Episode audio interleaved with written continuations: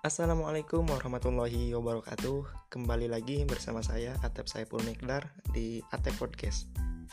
Baik teman-teman semua para pendengar podcast setia Selamat datang di episode ke-7 Nah di episode kali ini saya akan menjawab pertanyaan Apakah perbedaan sukuk dan obligasi dalam tinjauan fikih muamalah?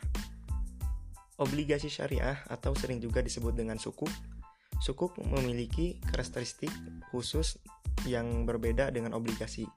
Perbedaan antara sukuk dengan obligasi yaitu yang pertama dari segi prinsip dasar. Nah, sukuk sukuk itu bukan merupakan surat utang, melainkan bukti kepemilikan bersama atas suatu aset atau proyek atau investasi. Sedangkan obligasi merupakan surat pernyataan utang dari penerbit atau issuer. Nah, yang kedua dari segi klaim.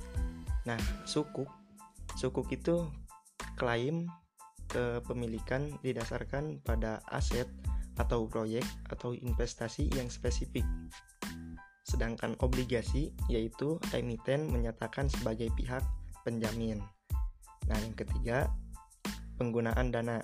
Nah, kalau misalkan sukuk harus digunakan untuk kegiatan usaha yang tidak bertentangan dengan prinsip syariah. Sedangkan obligasi yaitu dapat digunakan untuk kegiatan apa saja. Nah, yang keempat, jenis penghasilan. Nah, kalau misalkan sukuk yaitu imbalan hasil berupa bagi hasil eh, atau margin atau fee.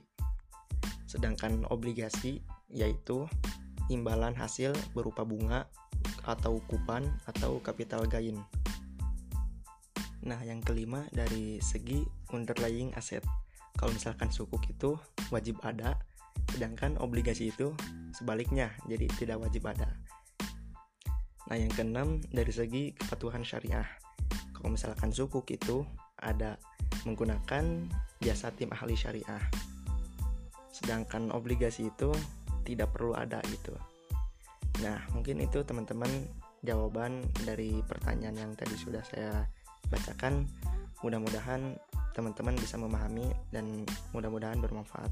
Mohon maaf kalau misalkan ada salah kata. Sampai jumpa di episode selanjutnya. Salam Sunda, Sampurasun.